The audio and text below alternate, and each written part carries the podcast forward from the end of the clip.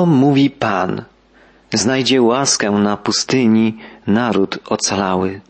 Te słowa otwierają 31 rozdział Księgi Jeremiasza.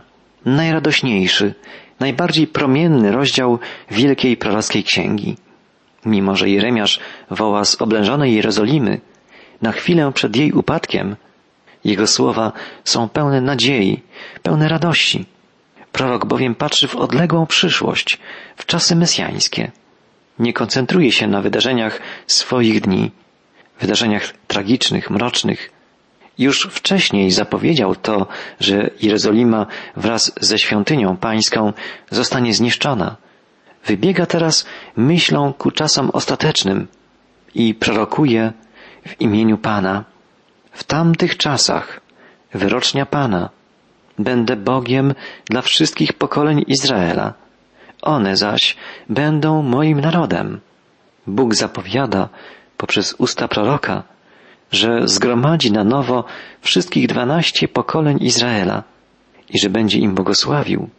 Będą Jego ludem, a On będzie ich Bogiem. To znaczy, iż zostanie odbudowana bliska, serdeczna więź pomiędzy Bogiem a Izraelem. To mówi Pan. Znajdzie łaskę na pustyni naród ocalały od miecza. Izrael pójdzie do miejsca swego odpoczynku. Pan się mu ukaże z daleka. Ukochałem Cię odwieczną miłością. Dlatego też zachowałem dla Ciebie łaskawość. Miłość Boga przewyższa wszelką niewierność, wszelkie nieposłuszeństwo Jego ludu.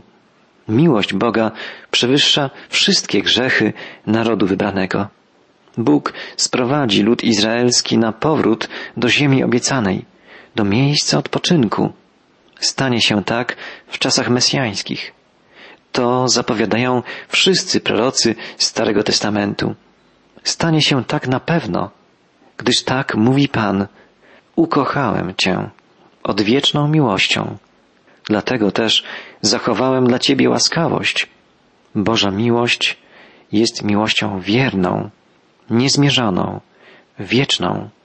Może ktoś zapyta, jak Bóg może kochać lud, który tyle razy okazał się niewierny, nieposłuszny? Zamiast stawiać takie pytania, zamiast się dziwić i wskazywać palcem na innych, postawmy szczerze inne pytanie. Jak Bóg może kochać nas? Jak może kochać współczesną ludzkość, dzisiejszy świat? A jednak Biblia zapewnia nas, że Bóg ukochał świat, że umiłował go tak bardzo, iż wydał zań swego jedynego syna. Ukochałem Cię odwieczną miłością, mówi Pan. Jak opisać odwieczną miłość? Czy jesteśmy w stanie w ogóle wyobrazić sobie miłość trwającą wiecznie? Miłość Boga nigdy nie ustaje i jest to jedyne źródło niewyczerpalne, źródło naszej nadziei, naszej pewności życia wiecznego. Gdyby Boża miłość miała się skończyć, wyczerpać, bylibyśmy zgubieni. Gdyby miała zawieść miłość Boga do Izraela, zawiodłaby też miłość Boga do nas. Ale miłość Boga jest wieczna, trwała, wierna. Bóg mówi, ukochałem Cię odwieczną miłością. Dlatego zachowałem dla Ciebie łaskawość. Czas Bożej łaski trwa. Jego miłość jest niewyczerpana. Korzystajmy więc z tego czasu. Pozwólmy, by Boża miłość nas przemieniała, żeby nas oczyszczała, kształtowała. Niewyczerpane są łaski od Pana głosi jedna z najpiękniejszych pieśni. Bez końca wielka jest miłość ta, ciągle świeża i nowa, świeża i nowa. Wielka jest, Panie, wierność Twa. Wielka jest wierność Twa. Są to słowa pieśni oparte na proroctwach Jeremiasza. Trwa czas łaski dla nas. Nadejdzie czas łaski dla Izraela. Bóg nie zapomniał o narodzie wybranym o ludzie pierwszego przymierza, tylko doświadcza go z powodu jego nieposłuszeństwa. Jednak mówi poprzez usta proroka, ukochałem Cię odwieczną miłością, zachowałem dla Ciebie łaskawość, znowu cię zbuduję i będziesz odbudowana, dziewico Izraelu. Przyozdobisz się znów swymi bębenkami i wyjdziesz wśród tańców pełnych wesela. Będziesz znów sadzić winnice na wzgórzach Samarii. Uprawiający będą sadzić i zbierać. Nadejdzie bowiem dzień, kiedy strażnicy znów zawołają na wzgórzach Efraima, wstańcie, wstąpmy na Syjon, do Pana, Boga naszego. To bowiem mówi Pan. Wykrzykujcie radośnie na cześć Jakuba. Weselcie się pierwszym wśród narodów. Głoście, wychwalajcie i mówcie. Pan wybawił swój lud, resztę Izraela. Oto sprowadzę ich z ziemi północnej i zgromadzę z krańców ziemi. Są wśród nich niewidomi i dotknięci kalectwem. Kobieta brzemienna wraz z położnicą powracają wielką gromadą. Bóg sprowadzi swój lud do ojczyzny. Jak wielki to będzie powrót, świadczą słowa proroka, iż nawet ludzie kalecy, niewidomi, nawet brzemienne kobiety, wszyscy będą powracać do ziemi obiecanej.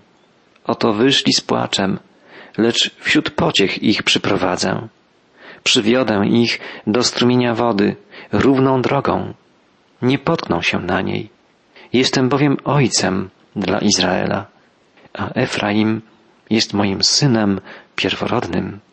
Jestem ojcem dla Izraela, mówi Bóg, a Efraim jest moim synem pierworodnym.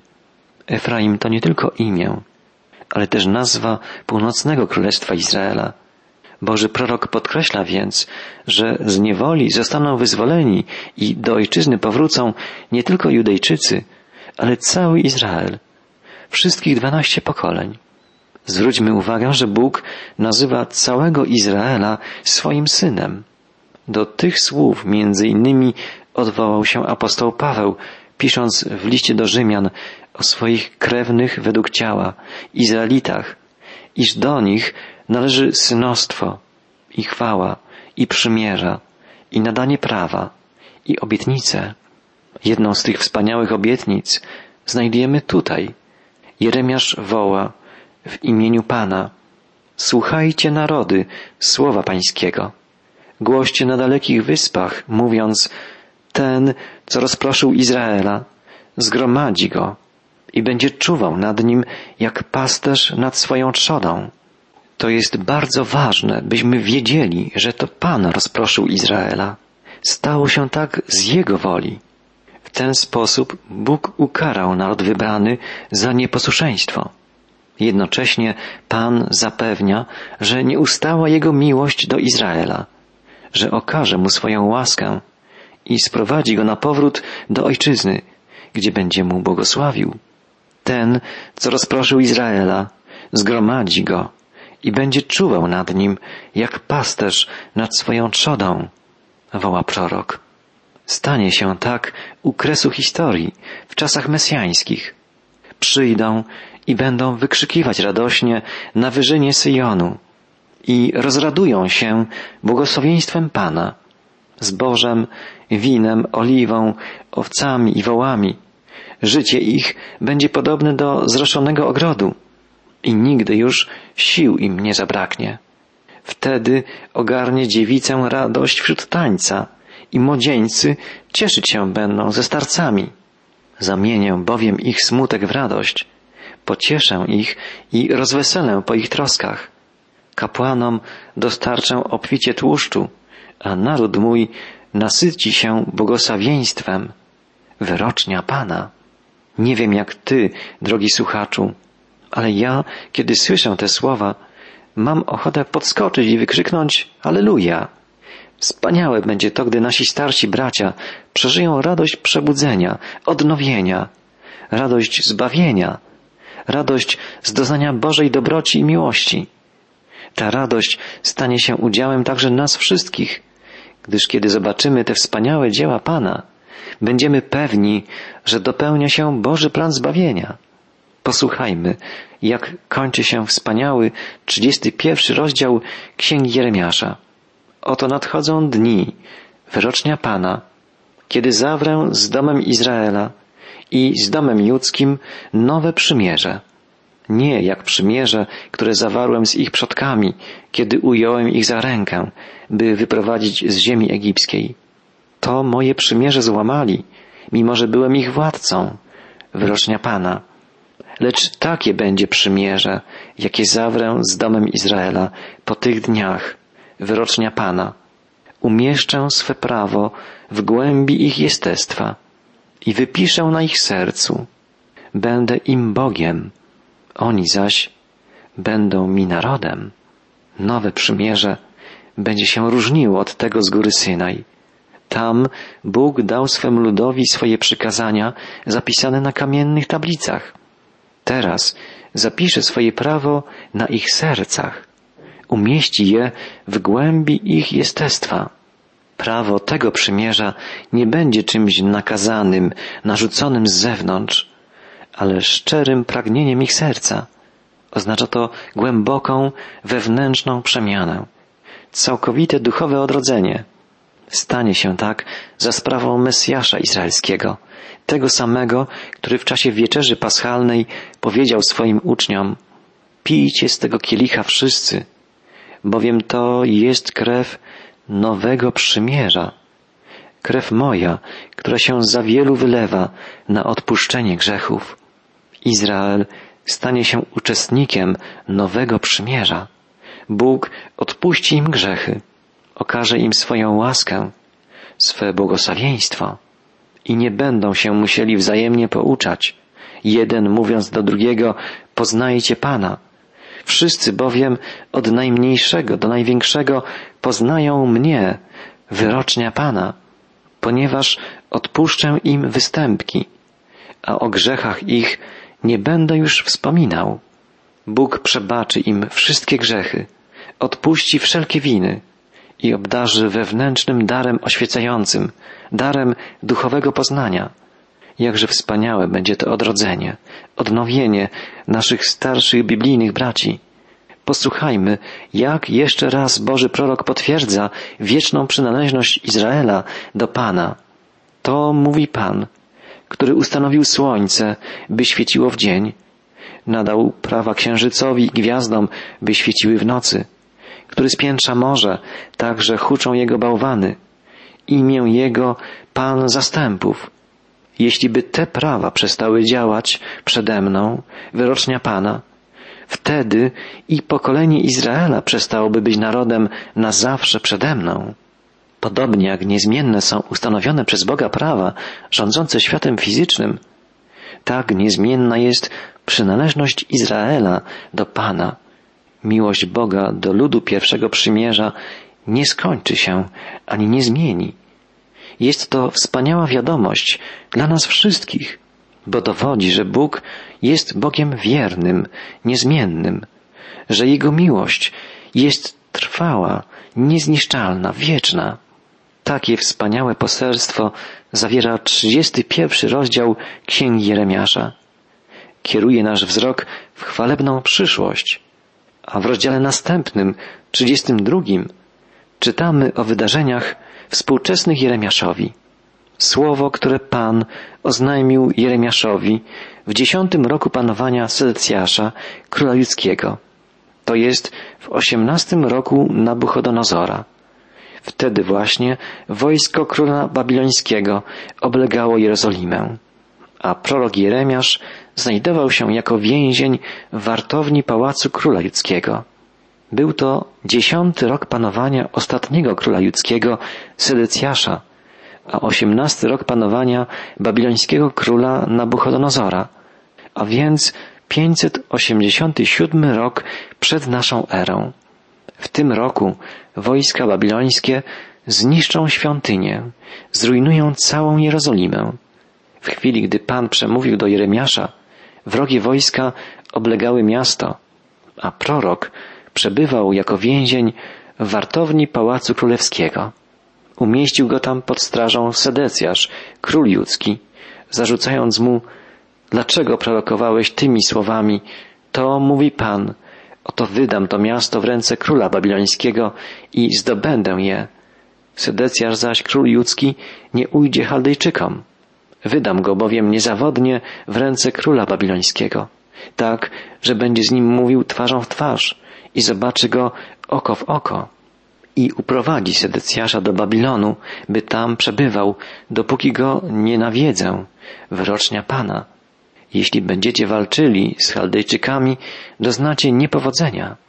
Król Sedecjasz odrzucił treść proroctw Jeremiasza, bo były dla niego niekorzystne.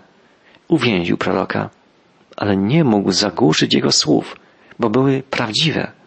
Wszystkie przepowiednie Jeremiasza, jedna po drugiej, spełniały się. Wypełnią się też zapowiedzi o losie Jerozolimy i o smutnym losie Sedecjasza. Będzie to konsekwencja jego odstępstwa, jego nieposłuszeństwa względem Boga i względem jego słowa. Jeremiasz nie polemizował z królem. Przecież nie wypowiadał własnych słów, lecz słowa Pana. Czytamy dalej. Jeremiasz powiedział, Pan skierował do mnie następujące słowo. Oto Hanamel, syn Szaluma, twego stryja, idzie do ciebie, by ci powiedzieć, kup sobie moje pole w Anatot, ty bowiem posiadasz rodzinne prawo wykupu. I przybył do mnie, do wartowni, Hanamel, syn mojego stryja, zgodnie ze słowem pańskim i rzekł, kup proszę moje pole, które się znajduje w Anatot, w ziemi Beniamina. Tobie bowiem przysługuje prawo dziedzictwa i wykupu. Kup je sobie. Zrozumiałem wtedy, że było to polecenie pańskie. Kupiłem więc pole od Hanameela, syna mojego stryja w Anatot i zapłaciłem mu należność siedemnaście sykrów srebra. To niezwykłe słowa, niezwykłe zdarzenie. W oblężonym mieście pojawia się syn stryja, a więc kuzyn Jeremiasza. Widocznie zbiegł z pobliskiego Anatot i schronił się w Jerozolimie. Jeremiasz, przebywając pod strażą, mógł przyjmować u siebie inne osoby. Dlaczego jednak Pan polecił prorokowi kupić kawałek ziemi w takim momencie w oblężonej Jerozolimie? Wydaje się, że jedynym wyjaśnieniem jest to, że w ten sposób Jeremiasz dał widomy znak, iż wierzy w powrót Izraelitów do Judei. Wcześniej prorok zapowiedział, że powrót ten możliwy będzie po siedemdziesięciu latach. I teraz, kupując ziemię w leżącym w pobliżu Jerozolimy rodzinnym Anatot, daje wyraz niezłomnej wiary, a nawet pewności, że jeśli nie on, to jego potomkowie powrócą tu kiedyś i zamieszkają w rodzinnej ziemi. Dalej czytamy o tym, jak został spisany kontrakt kupna, a spisał go sekretarz o imieniu Baruch, przyjaciel proroka. Jeremiasz jednak miał pewne wątpliwości. Wołał więc do Boga, jak czytamy, modliłem się do Pana po oddaniu kontraktu kupna Baruchowi, synowi Neriasza, tymi słowami. Ach, Panie Boże, oto stworzyłeś niebo i ziemię wielką swoją mocą i wyciągniętym ramieniem. Żadna rzecz nie jest niemożliwa dla Ciebie.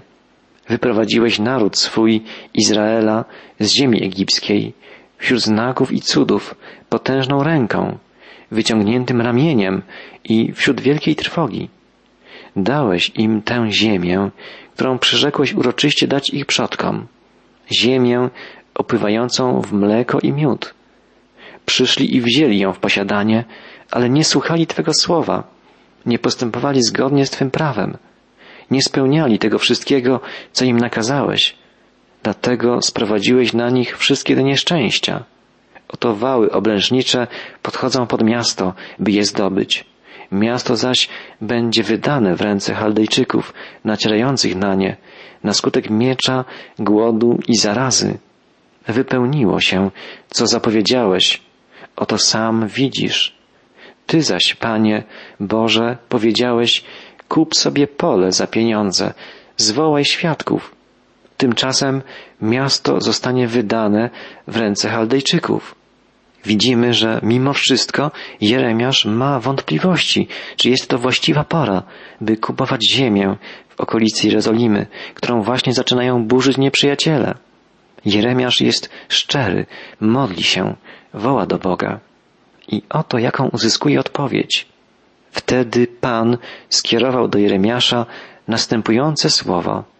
Oto ja jestem Pan, Bóg wszelkiego ciała. Czy jest może dla mnie coś niemożliwego? Bóg najpierw podkreśla, że nie ma niczego, co miałoby być dla Niego niemożliwe. To wielka prawda, jakże ważna także dla nas. Bóg się nie zmienia, także dzisiaj dobitnie brzmią Jego słowa. Oto ja jestem Pan, Bóg wszelkiego ciała. Czy jest dla mnie coś niemożliwego? I dalej Bóg wyjaśnia, dlaczego wyda Jerozolimę w ręce wrogów. Dlatego to mówi Pan. Oto wydam to miasto w ręce Chaldejczyków i w ręce Nabuchodonozora, króla babilońskiego i zdobędzie je. Wkroczą do niego Chaldejczycy nacierający na to miasto. Albowiem od swej młodości synowie Izraela i synowie Judy czynili jedynie zło wobec mnie. Tak, powodem gniewu i oburzenia było dla mnie to miasto od dnia, gdy je zbudowano, aż do dziś. Na skutek całej nieprawości Izraela i Judy, jakie się dopuszczali, by mnie drażnić, obrócili się do mnie tyłem, a nie twarzą. Mimo, że ich pouczałem niestrudzenie, nie chcieli usłuchać ani przyjąć upomnienia. Tak jak Pan wyda Jerozolimę w ręce wrogów, tak sam też sprawi, że zostanie ona na nowo odbudowana. Bóg sprowadzi tu z powrotem Izraela i będzie mu błogosławił. Czytamy na koniec. Będą moim narodem, ja zaś będę ich Bogiem. Dam im jedno serce i jedną zasadę postępowania, by się mnie zawsze bali dla swego dobra i dla swych potomków. Zawrę zaś z nimi przymierze wieczne, mocą którego nie zaprzestanę im wyświadczać dobra. Napełnię ich serce moją bojaźnią, by się już nie odwracali ode mnie. Jeszcze raz słyszymy to wspaniałe zapewnienie. To bowiem mówi Pan. Jak sprowadziłem na ten naród to wielkie nieszczęście, tak sprowadzę na nich wszelkie dobrodziejstwo, jakie im przyrzekłem. Tak stanie się na pewno, gdyż słowa te wypowiada żywy Bóg, pełen miłości i mocy, Zbawiciel i Pan, ten, który mówi o sobie, ja jestem Pan, Bóg wszelkiego ciała. Czy jest dla mnie coś niemożliwego?